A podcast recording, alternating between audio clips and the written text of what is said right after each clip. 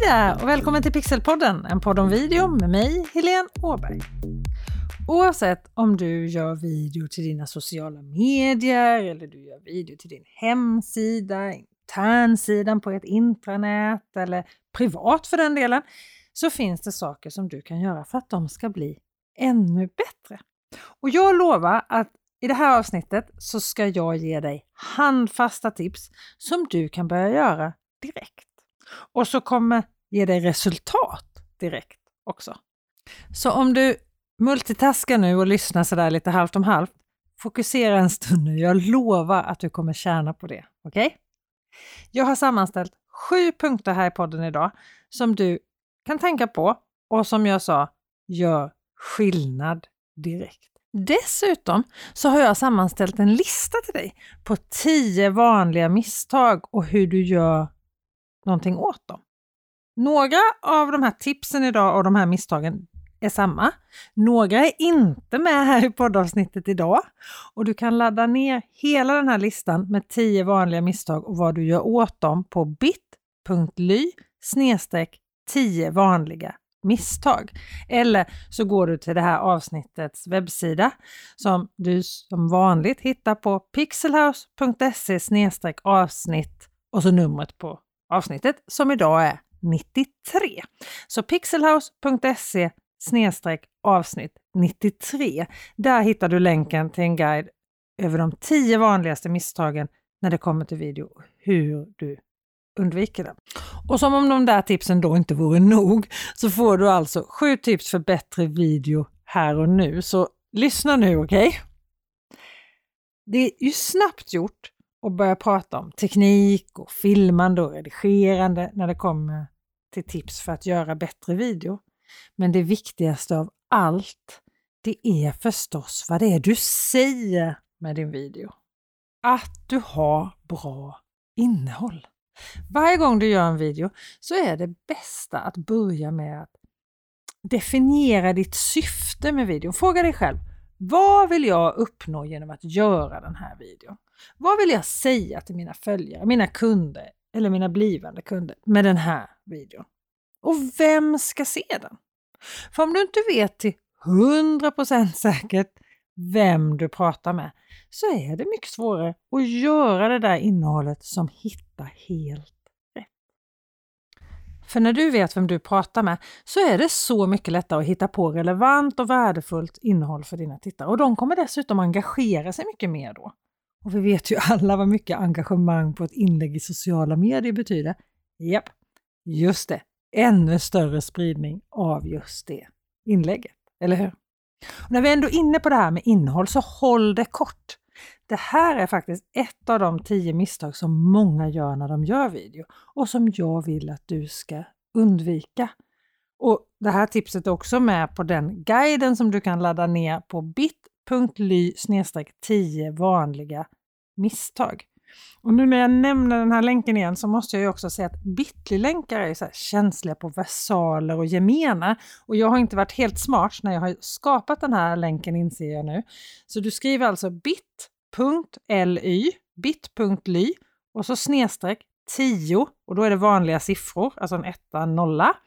Och sen vanliga med stort V, resten med små bokstäver, misstag med stort M och resten med små bokstäver. Så det blir alltså bit.ly snedstreck 10 vanliga misstag med 10 med siffror och V och M med stora bokstäver. Men du hittar samma länk på pixelhouse.se avsnitt 93. För det kan ju vara lättare att gå den vägen, eller hur?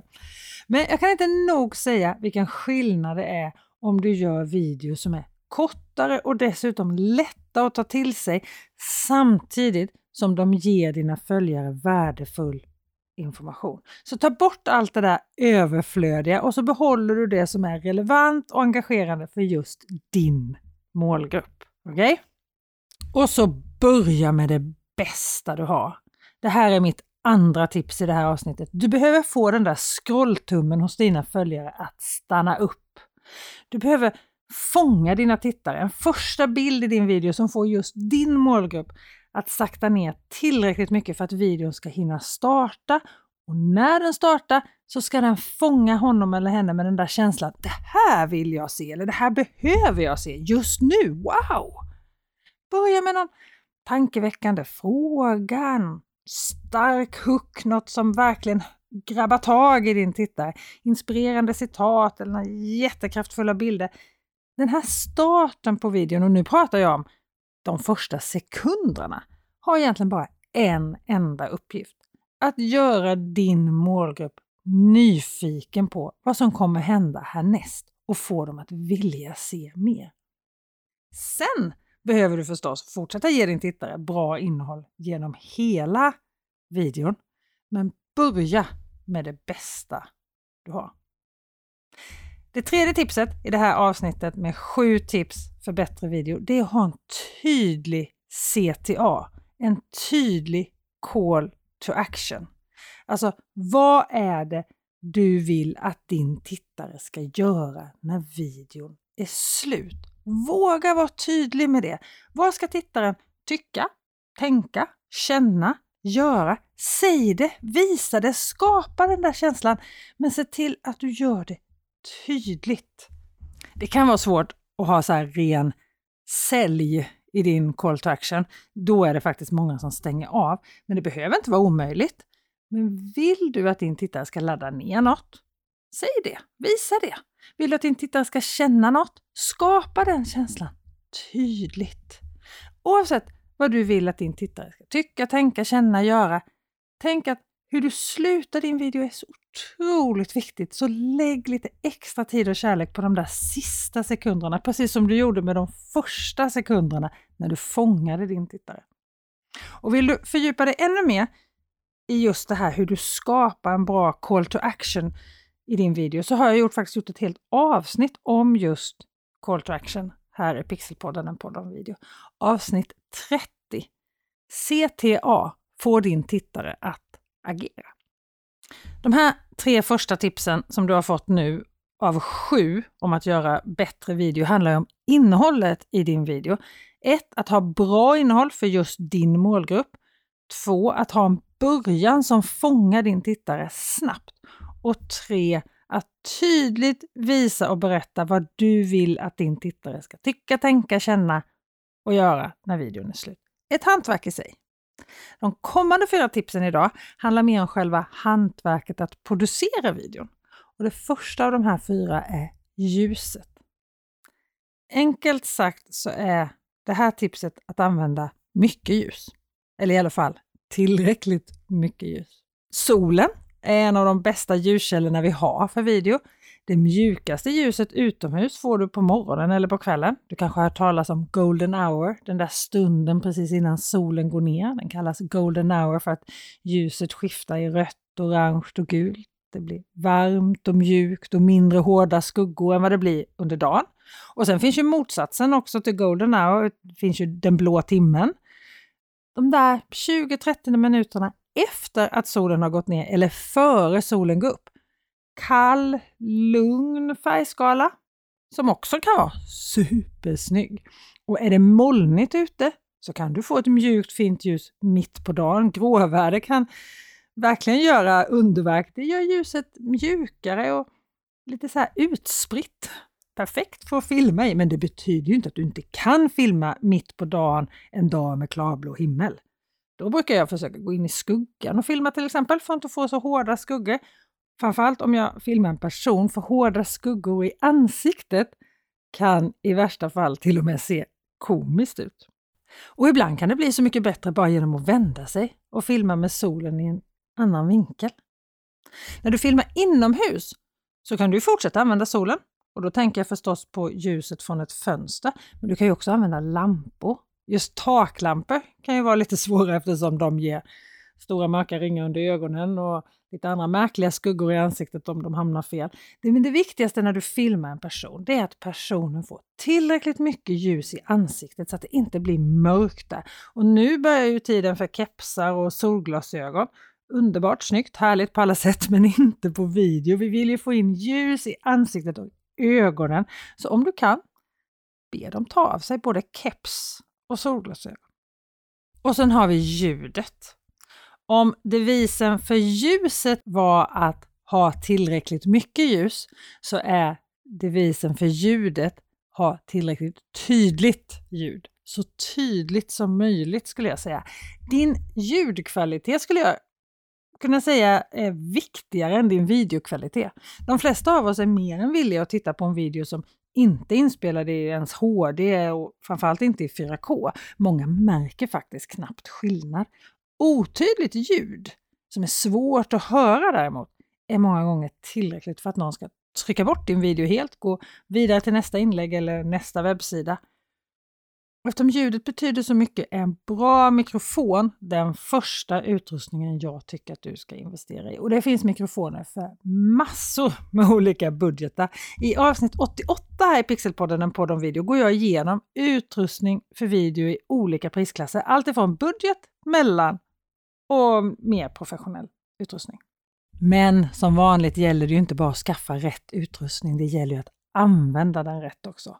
Och du som har varit med och lyssnat på många avsnitt av Pixelpodden, en podd om video, eller du som är en av deltagarna på webbutbildningen Kommunicera med video, sociala medier och filma som proffs med din mobil, har hört mig säga många gånger att det handlar inte om utrustningen. Det handlar om hur du använder den. Du behöver placera mikrofonen rätt, gärna nära det som ska höras. Men sen gäller det ju att ha lite koll på bakgrunden också. Mikrofonen fångar ju upp bakgrundsljudet också, så lyssna. För precis som du gärna vill ha en lugn bakgrund för bilden så att det du vill att tittaren ska se verkligen, verkligen ska stå ut när du filmar, så vill du ha ett lugnt bakgrundsljud också. Och då menar jag att du inte vill ha massa ljud som stör i bakgrunden. Det är lätt att vänja sig och knappt höra saker som trafik och fåglar och vindbrus när du är ute och filmar. Men när du kommer hem sen så hör du dem desto bättre tyvärr. För mikrofonen fångar ju upp alla dessa ljud tydligt på din inspelning om du inte gör det här på rätt sätt tyvärr. Det näst sista tipset i det här avsnittet av Pixelpodden, en podd om video, tycker jag att du ska vara lite mindre cool. För gränsen mellan coola rörliga bilder och jobbiga bilder som ger din tittare åksjuka, den är hårfin skulle jag säga.